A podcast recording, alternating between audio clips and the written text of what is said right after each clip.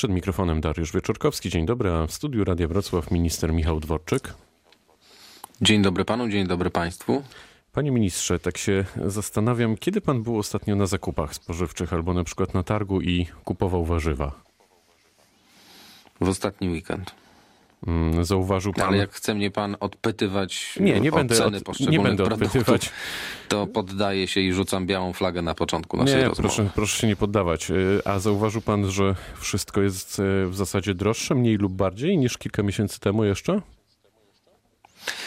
Przede wszystkim czytałem na temat e, tego, że e, niektóre artykuły e, trochę zdrożały.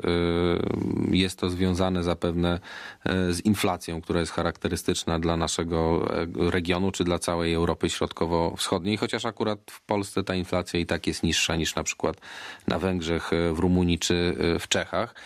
Mm, ale jest to zjawisko sezonowe, zresztą zapowiadane wcześniej przez ekonomistów z Narodowego Banku Polskiego między innymi i ten trend y, y, zgodnie z tymi y, prognozami ma wyhamować na początku właśnie tego roku. A co jeśli właśnie będzie inaczej? To znaczy, co jeśli te ceny nadal będą rosnąć? e, Co zrobi rząd, ale też e, co mają zrobić Polacy? Jeżeli chodzi o działania rządu, no to my zabiegamy o to, aby Polacy y, nie odczuwali y, wzrostu y, cen, na przykład energii elektrycznej, na którą to cenę energii składają się czynniki zewnętrzne, jakby nie wewnątrz polskie, tylko rozwiązania przyjęte jeszcze przez poprzedni rząd, rząd Platformy Obywatelskiej, wskutek czego właśnie ceny energii rosną w całej Europie. My staramy się, mm, aby Polacy nie odczuwali, polskie rodziny nie odczuwały tych wzrostów energii. W zeszłym roku udało nam się do tego doprowadzić. W tym roku są deklaracje ministra Jacka Sasina, że również dla mm, indywidualnych e, gospodarstw e, te wzrosty nie będą e, odczuwalne. To jeszcze ostatnie pytanie o ceny. Tutaj e, mamy na myśli podatek e, cukrowy, że tak go ujmę, bo on też e, wpłynie na ceny wszystkiego, co ma cukier w składzie, na przykład na napoje.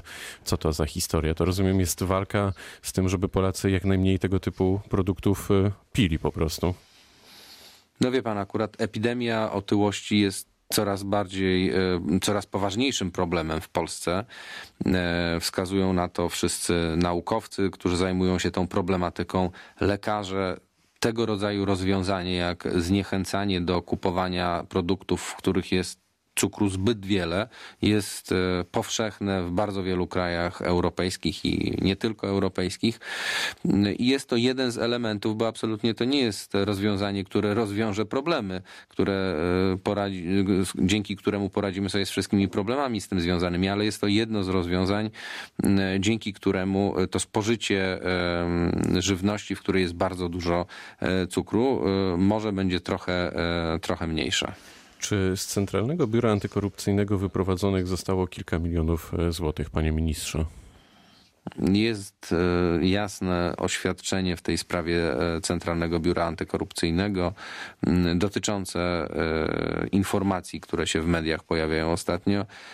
Z tego oświadczenia jasno wynika, że e, żadnych e, pieniędzy biuro, Centralne Biuro Antykorupcyjne nie straciło, a szczegóły e, dotyczące mm, tych informacji zostaną przedstawione, skomentowane przez szefa CBA, pana Ernesta Bejdę na komisji, Sejmowej Komisji do Spraw Służb Specjalnych. A ma pan poczucie, że służby działają sprawnie, bo może coś wymaga korekty, na przykład personalnej?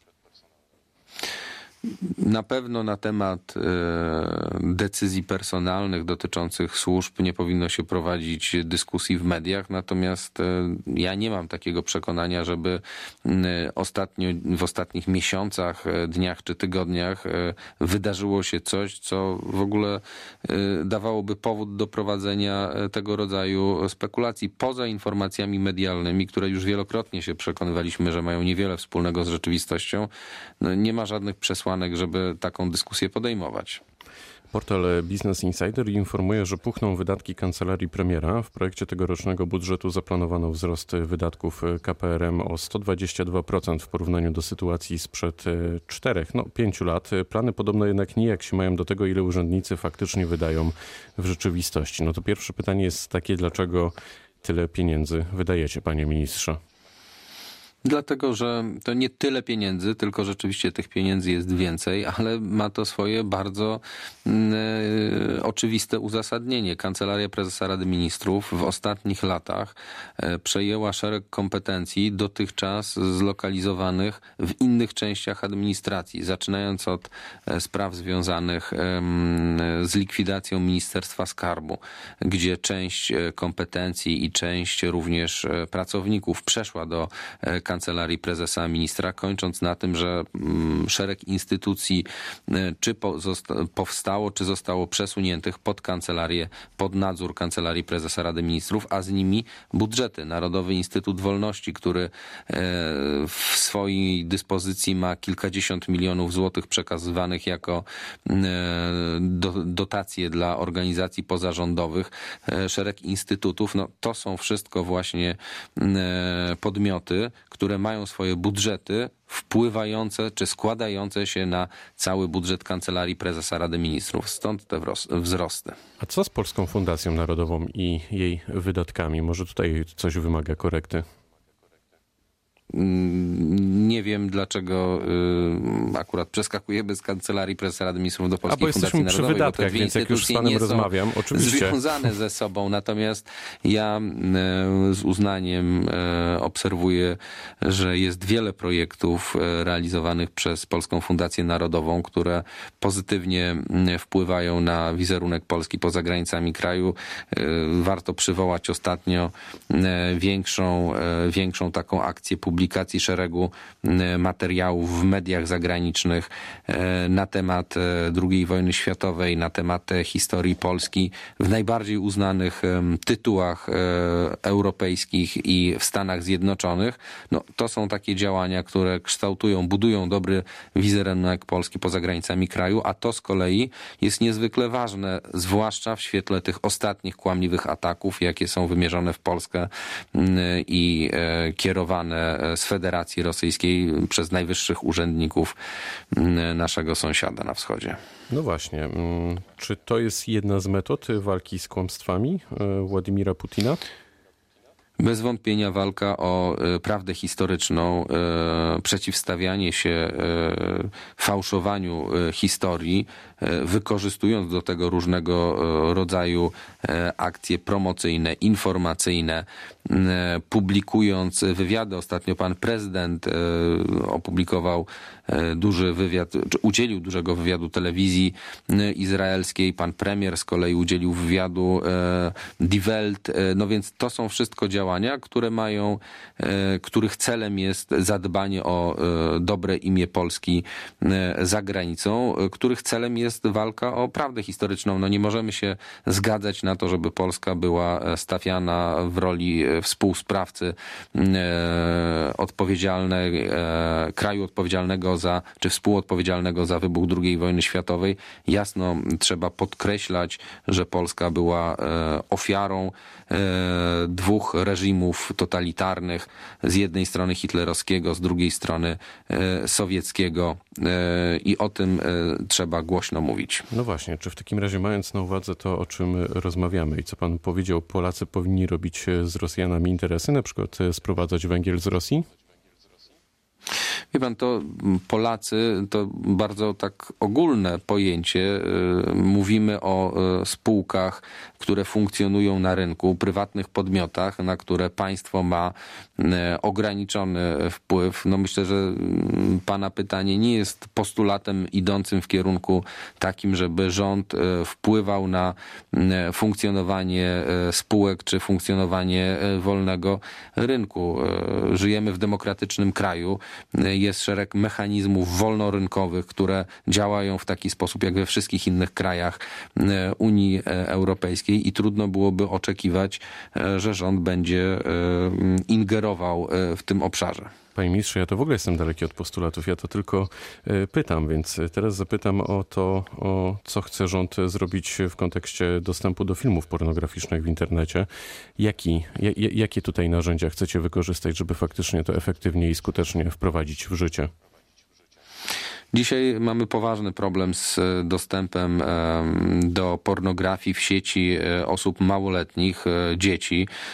Badania w tej sprawie są no, bardzo niepokojące. Kilkadziesiąt procent nastolatków ma kontakt z pornografią w sieci. Praktycznie nie działają w sposób skuteczny zabezpieczenia poza programami, które można kupić i można zamontować, to mówię o rodzicach, tak, z których część, e, niestety mniejsza e, część korzysta z takiego oprogramowania, ale co do zasady dzieciaki w sieci mają e, dostęp do różnego rodzaju treści niewłaściwych, które mają bardzo niedobry wpływ na ich rozwój, na ich psychikę. Stąd inicjatywa podjęta przez jedną z organizacji pozarządowych, a przejęta przez rząd, konkretnie przez Ministerstwo Rodziny Rodziny, Pracy i Polityki Społecznej inicjatywa legislacyjna, która ma doprowadzić do tego, e, żeby ograniczyć dostęp, podkreślam, dzieci e, do stron e, pornograficznych. Chodzi o wprowadzenie mechanizmu, realnego mechanizmu weryfikowania wieku osób, które korzystają e, z takich stron, no po to właśnie, żeby dzieci e, nie miały do tych niewłaściwych e, treści dostępu. I to oczywiście potrzebne są jeszcze szerokie konsultacje. Ten mechanizm, który będzie stworzony, będzie zapewniał anonimowość, będzie wyłącznie ograniczał dostęp do tego rodzaju treści osobom niepełnoletnim i też trzeba sobie jasno i uczciwie powiedzieć, nie rozwiąże wszystkich problemów, dlatego że obejścia takiego systemu zawsze się znajdą. Niemniej zakładamy, że w sposób znaczący ograniczy e, dostęp e, niepełnoletnich do niewłaściwych treści. Jak pan myśli, kiedy to się może wydarzyć realnie?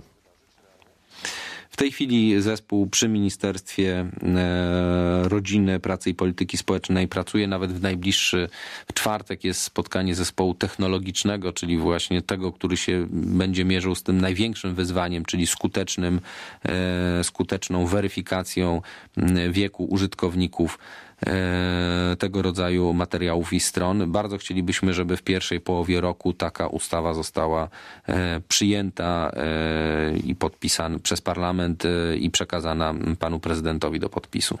To na koniec jeszcze... Myślę, że też mhm. to, co warto y, powiedzieć, y, to, że tutaj mamy do czynienia z pewną y, zgodą polityczną ponad podziałami, ponieważ jak organizowaliśmy w Kancelarii Prezesa Rady Ministrów spotkania, w których uczestniczyły praktycznie wszystkie kluby parlamentarne, to oczywiście jest różnica w sprawie różnych szczegół, szczegółowych rozwiązań. Niemniej wszyscy są zgodni, że dzieci należy chronić w tym tym właśnie chronić przed e, treściami e, pornograficznymi w sieci. To na koniec jeszcze pytanie o pana marszałka Tomasza Grodzkiego. Jak pan obserwuje od kilku tygodni e, te wszystkie oskarżenia, które się pojawiają pod jego adresem, to co pan sobie myśli? Co się powinno wydarzyć w tej sytuacji?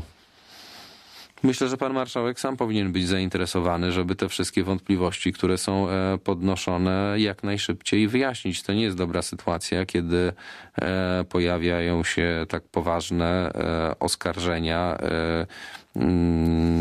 pod adresem, formułowane pod adresem jednej z ważniejszych, jednego z najważniejszych urzędników w państwie. No, zgodnie z precedencją marszałek Senatu jest trzecią osobą w państwie po prezydencie, panu po prezydencie, marszałku Sejmu jest właśnie marszałek Senatu. W związku z tym niedobrą sytuacją jest, kiedy tego rodzaju niewyjaśnione sprawy mają miejsce.